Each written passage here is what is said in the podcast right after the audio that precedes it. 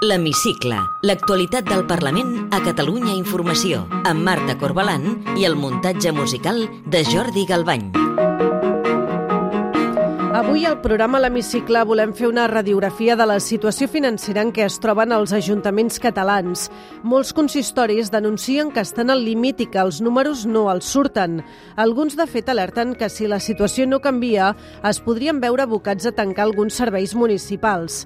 Avui també entrevistarem el portaveu de Vox al Parlament, Joan Garriga, la setmana que Pedro Sánchez ha aconseguit tots els suports que li calien per tornar a ser investit president del govern espanyol. L'acord s'ha gellat amb Junts i Esquerra, que inclou una amnistia als encausats pel procés independentista, ha desfermat diverses nits d'aldarulls a Madrid.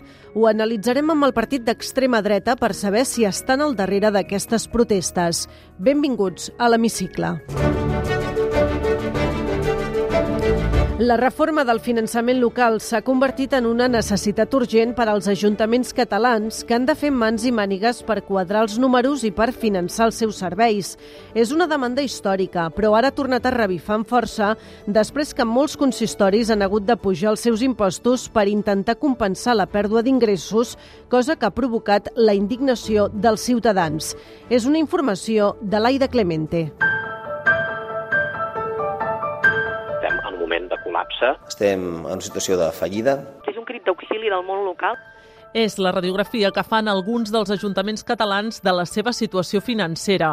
Descriuen un escenari difícil, fruit, diuen, d'un infrafinançament municipal, però que s'ha vist agreujat per diversos factors. Cau la plusvàlua. L'impost de la plusvàlua era la segona font d'ingressos més important dels ajuntaments després de l'IBI, però des que el Tribunal Constitucional la va reformular el 2021, la recaptació d'aquest impost ha caigut amb força. Pujada de l'energia. Igual que a les llars, la factura de la llum i la del gas han disparat les despeses corrents dels ajuntaments. L'Associació Catalana de Municipis reclama que se'ls apliqui un IVA reduït. Pujada de salaris. Els ajuntaments denuncien que han hagut de fer-se càrrec en solitari de la pujada de salaris dels treballadors públics. Tot plegat ingredients que, segons els consistoris, han enfonsat un sistema de finançament caduc. Meritxell Budó, presidenta de l'Associació Catalana de Municipis. L'Estat s'emporta la majoria dels ingressos. La resta va a les comunitats autònomes i els ajuntaments fa anys que patim un dèficit estructural. Un dèficit que no es resol a mesures puntuals, sinó que hauria de ser un finançament equitatiu la pujada d'impostos municipals aquest any ha estat generalitzada, segons els ajuntaments, per intentar compensar la pèrdua d'ingressos. La decisió ha provocat la indignació de veïns en municipis com Igualada, o Sant Fruitós de Bages, que han pujat un 7 i un 22% l'IBI respectivament. Sabadell l'ha pujat un 15%. Marta Ferrés, alcaldessa de Sabadell. Fins ara ho hem anat abordant amb el superàvit, venint les, les joies de la iaia, però ara això ja no és possible. Per tant, aquí molts dels que, vaja, gairebé tot el món local l'hem vist eh, obligats doncs, a traslladar això en els ciutadans. Això, evidentment, és un problema, perquè al final hi ha un moment que no podem més. Segons l'Arc Metropolità de Barcelona, si no disposen aviat d'un nou sistema de finançament, els ajuntaments hauran de replantejar-se tancar alguns serveis municipals. Jordi Ballart, alcalde de Terrassa. Nosaltres també ens hem plantejat fer un pressupost municipal eh, en base zero i això voldrà dir no, un exercici al detall, despesa per despesa, per veure doncs, si algunes qüestions doncs, que hem anat prestant durant els 40 anys de democràcia potser ens hem de replantejar de seguir-la prestant. A Tarragona, l'alcalde Vinyuales ha alertat que l'Ajuntament està en risc de fallida perquè li falten 14 milions d'euros. Amb la pujada d'impostos, diuen, en recuperen 6, però encara no quadren els números. Isabel Mascaró, consellera d'Hisenda de l'Ajuntament de Tarragona. Si no es fa o s'adopta cap mesura, que lògicament les estem adoptant, la situació podria acabar sent de fallida en el sentit de que s'ha de revertir aquesta tendència de que les despeses s'han incrementat i no així els ingressos. La demanda d'un nou sistema de finançament és històrica. El govern assegura que a finals d'any tindrà un esborrany de la llei de governs locals que, de fet, ja contemplava l'Estatut. Tot i això, diu que en qüestió de finançament tenen les mans lligades perquè és una competència de l'Estat. David Rodríguez, secretari de Governs Locals de la Generalitat. La Generalitat podria fer alguna cosa més? Potser sí, però també tenir en compte que la Generalitat també és un ens infrafinançat. La llei de governs locals, en aquests moments, estem treballant amb l'equip redactor. La idea seria que durant l'any que ve doncs, treballem el document i a finals d'any es pogués portar al Parlament. Els ajuntaments i la Generalitat admeten que és una llei molt complexa, però els municipis diuen que no poden esperar més.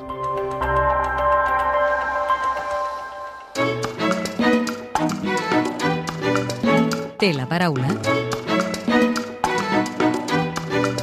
Joan Garriga, diputat i portaveu del grup parlamentari de Vox en el Parlament de Catalunya i president de Vox Barcelona. Benvingut al programa L'Hemicicle. Com valora l'acord entre el PSOE i l'independentisme que permetrà la investidura de Pedro Sánchez? Pues com un molt mal acord per als catalans i pel conjunt dels espanyols. Estem en una cruïlla, és un moment molt difícil per a la nostra nació. Els catalans portem molts anys perjudicats pel nacionalisme, pel separatisme.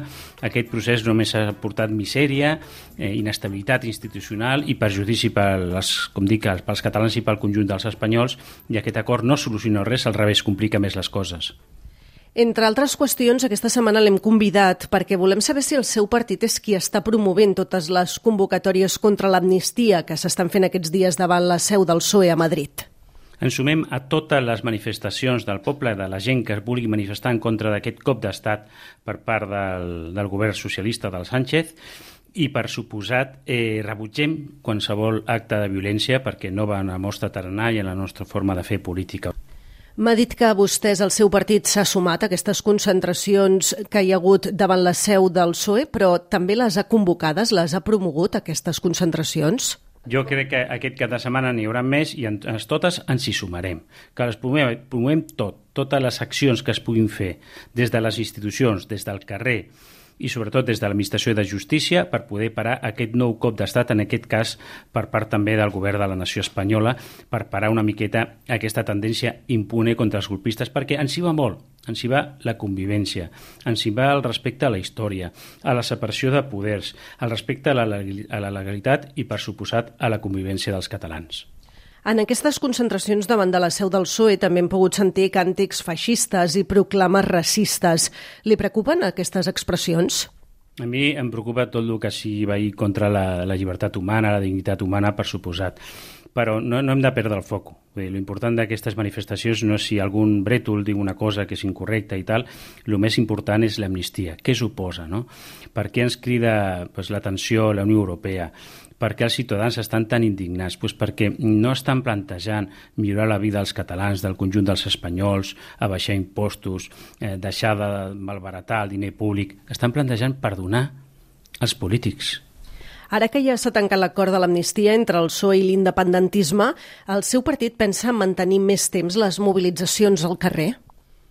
Tot el que sigui necessari per aturar el cop i revertir la situació. Però li diré més, vull dir, al carrer, a les institucions i a l'administració de justícia. El més important per Vox és acabar amb el separatisme. El separatisme fa molt de mal a Catalunya. I això és important. I nosaltres aportem solucions al separatisme. Evidentment que plantarem la batalla, mobilitzacions, el que tinguem que fer, ho farem.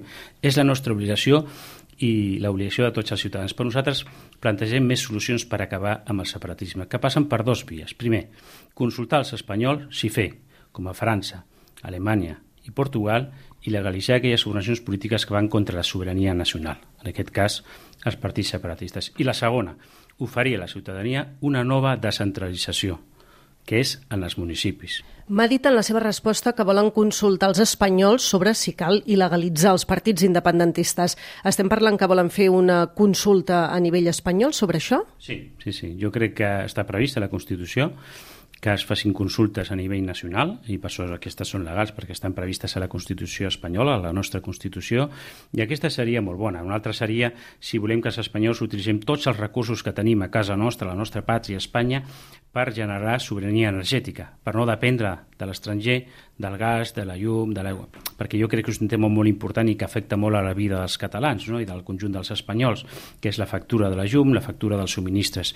També és una consulta interessant que també voldríem fer. Permeti'm que torni a la proposta de Vox d'intentar il·legalitzar els partits independentistes. Eh, jo voldria saber en base a, a quina llei volen il·legalitzar una ideologia. No, no és una ideologia, eh? les, ide les idees no es poden il·legalitzar. Són formacions polítiques, que és l'única manera que tenim de tindre representació política. Vull per exemple, si una formació política, això és la llei de partits ja ho diu, eh, defensa la violència com una manera de fer política, és, és il·legal a Espanya. per això es va il·legalitzar Herri Batasuna, se'n recorda? pues a Portugal, a França, a Alemanya, els partits que atenten contra la sobirania nacional, contra el conjunt de la unitat de la nació, no es poden presentar a les eleccions. És un tema molt europeu.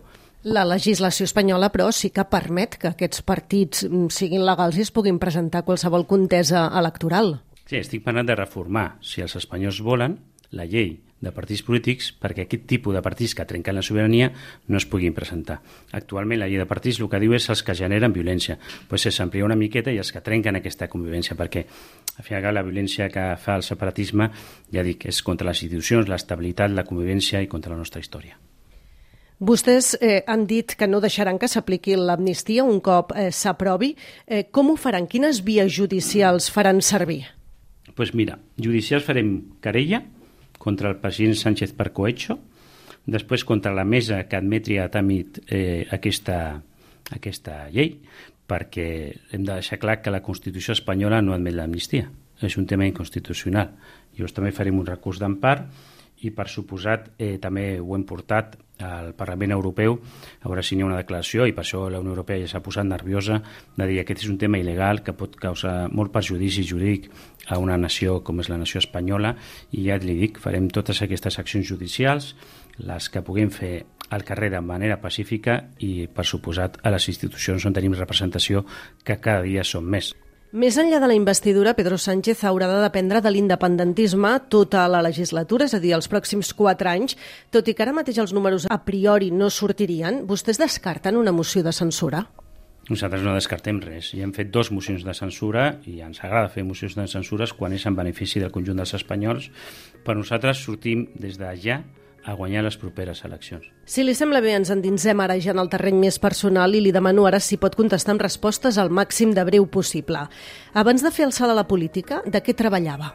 Doncs pues mira, jo tinc un despatx d'administració de patrimonis amb, amb tres socis que encara mantinc i que em fa molta il·lusió de, de tant en tant anar a treballar perquè la política és molt poc productiva. Eh? Jo dic, al Parlament poques lleis s'aproven, però estem molt de temps i la majoria, ho dic sincerament, eh? Amb dolor una miqueta en el cor, perdem el temps. Amb quin diputat o diputada que no sigui del seu grup compartiria una sobretaula distesa? Uf, amb tots i sobretot els més allunyats a la meva forma de pensar.